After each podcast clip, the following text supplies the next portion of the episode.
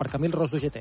De la mateixa manera que venim, signem i ens fem la foto públicament, també ens agradaria de que tots aquells acords sobre infraestructures siguin incorporats. Ens costa entendre a vegades algunes declaracions, després signar acords i fer un barrig-barreig i fer d'altres cortines eh, mediàtiques com ha fet Foment. En Busques feina? Et donem la solució. Coneix i consulta l'empresa GCT Plus, l'empresa de treball temporal que es posa a la teva disposició per ajudar-te. Et donaran resposta immediata a les teves necessitats laborals amb oficines arreu del territori català.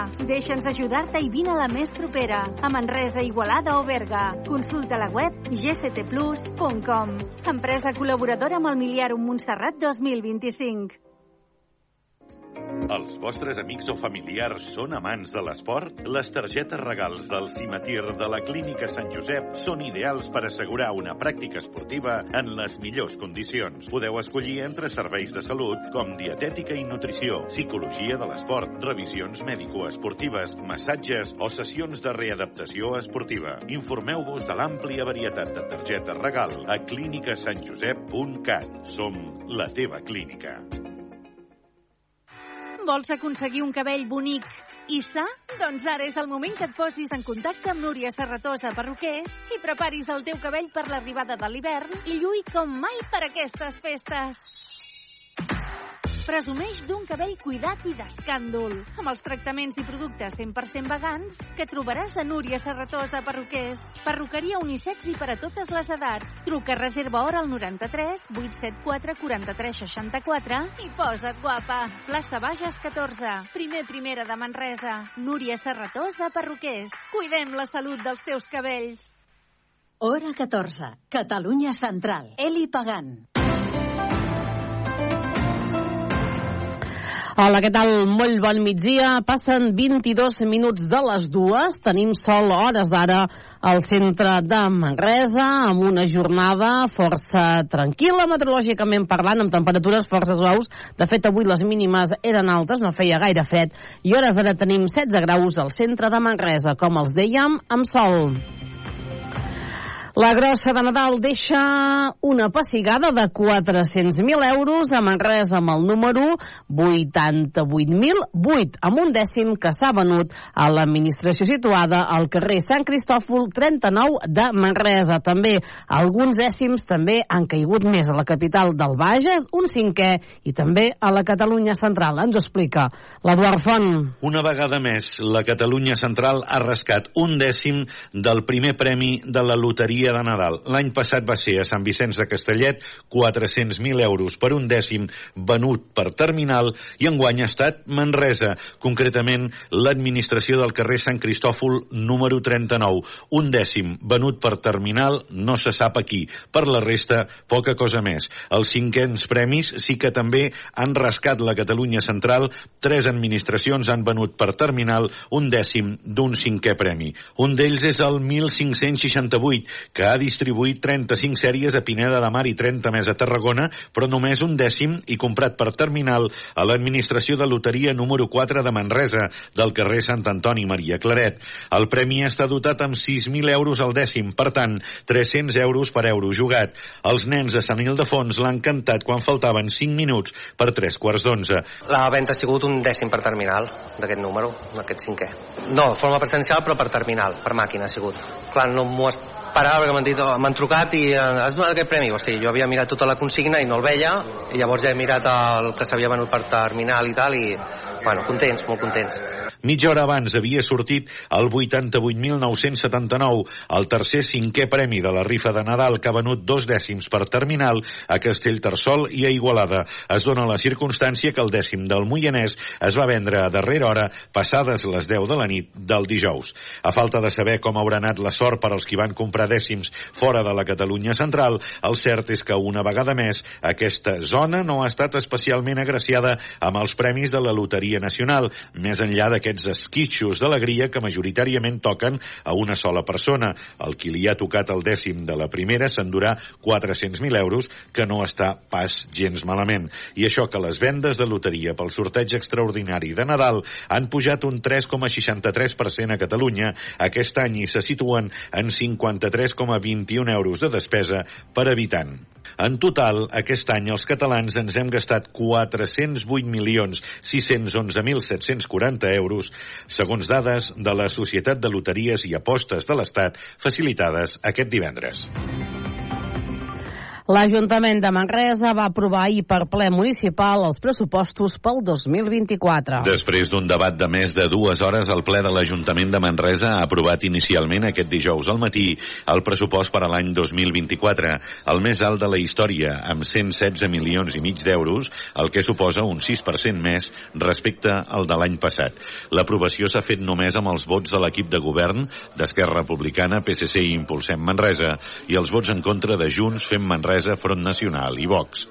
Abans, el plenari havia rebutjat les vuit esmenes que el grup de Junts per Manresa havia presentat al dictamen i les quatre de Fem Manresa. Pel que fa a les inversions, es tracta de les més altes previstes en els darrers 14 anys, amb 15,8 milions d'euros, un 13,6% més respecte al 2023.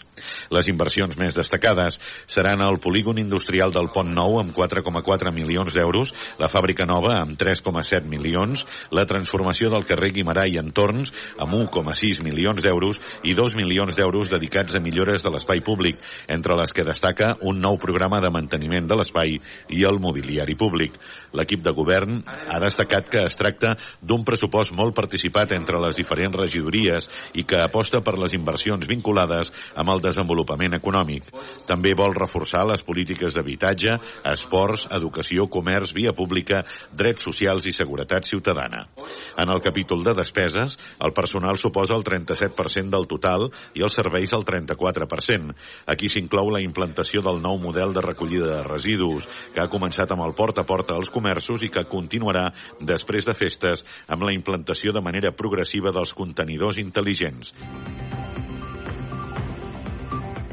Torna una vegada més el meu primer Nadal al Cursal. La sala petita del Teatre Cursal de Manresa tornarà a acollir a partir del proper dimecres, dia 27 de desembre, el meu primer Nadal al Cursal, la producció del servei educatiu que arriba a la dotzena edició i que ja s'ha convertit en un clàssic del període nadalenc a Manresa. Aquest any s'oferiran un total de 15 funcions de l'espectacle, el mateix nombre que l'any passat i amb el qual ja es va batre el rècord. L'estrena serà el dimecres dimecres 27 de desembre a dos quarts de set de la tarda. En aquests moments ja només queden entrades disponibles per aquestes dues funcions matinals. La resta de sessions ja tenen les entrades exaurides. I una de les festes més tradicionals d'aquests dies Nadal, la Fia Falla, a Bagà. Els infants de Bagà tindran un protagonisme especial a la Fia Falla, amb la crema de les falles als balcons. Es tracta d'una tradició que es va perdre durant la Guerra Civil i que ara s'ha volgut recuperar de forma simbòlica. Antigament, els infants entre 5 i 7 anys ho feien el 24 de desembre, ja que es consideraven massa petits per sortir al carrer i participar a la festa. Ara el consistori ha decidit recuperar la tradició, però de manera simbòlica simbòlica. S'han escollit set nens i nenes de 5 anys que encendran les falles al balcó de l'Ajuntament. Segons l'alcalde, Lluís Casas, aquesta seria la llavor perquè en un futur els infants puguin tenir la seva pròpia festa.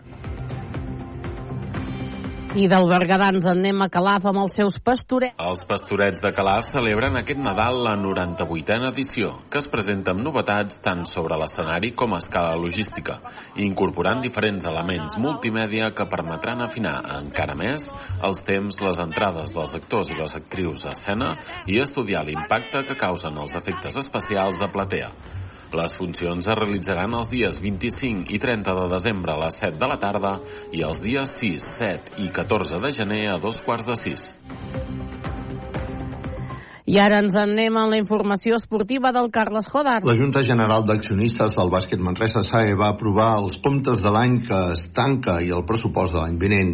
Enguany s'ha obtingut un mínim benefici, però queda llastrat pel deute històric que s'ha mantingut, especialment després de pandèmia. És per això que el president accidental del Baxi Manresa, Albert Cots, va anunciar que hi haurà una ampliació de capital on s'emetran dos milions i mig d'euros en accions per doblar el capital social de la Societat Anònima Esportiva. Per tal que això passi, s'ha anunciat una junta d'accionistes en els propers mesos per poder tirar endavant aquesta ampliació de capital. En la junta d'accionistes d'aquest divendres s'han tractat tots aquests temes, a més de la nova presidència de la junta que recaurà en el dissenyador Josep Maria Herms, que en serà la nova cara visible i que actualment a la junta està treballant de forma especial en el seguiment de les feines per poder ampliar el nou pavelló. Acabem molt bona tarda i només desitjar-los que, desitjar que tinguin un molt bon Nadal. Ens retrobem en aquesta mateixa sintonia dimecres. Adéu-siau. Hora 14. El láser. Con Javier Casal. Començar les obres. Dos y media, una y media en Canarias, tres fotos, un número, el gordo, el gordo más tarde. El gordo más Ciudad de Barcelona. de la historia, el gordo más repartido, el gordo de los ochos. 88.008.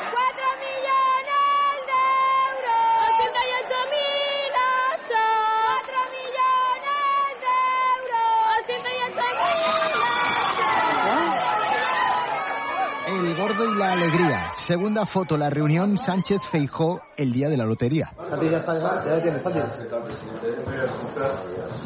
¿Qué tal, presidente? Feijó poniendo hoy sobre la mesa una condición para renovar el Poder Judicial, que en esa comisión negociadora medie el comisario europeo de justicia. Le hemos propuesto sumar a la Comisión Europea a la negociación y al acuerdo de renovar el Consejo General y simultáneamente tramitar una nueva ley orgánica del Poder Judicial ante las cámaras. De modo que será la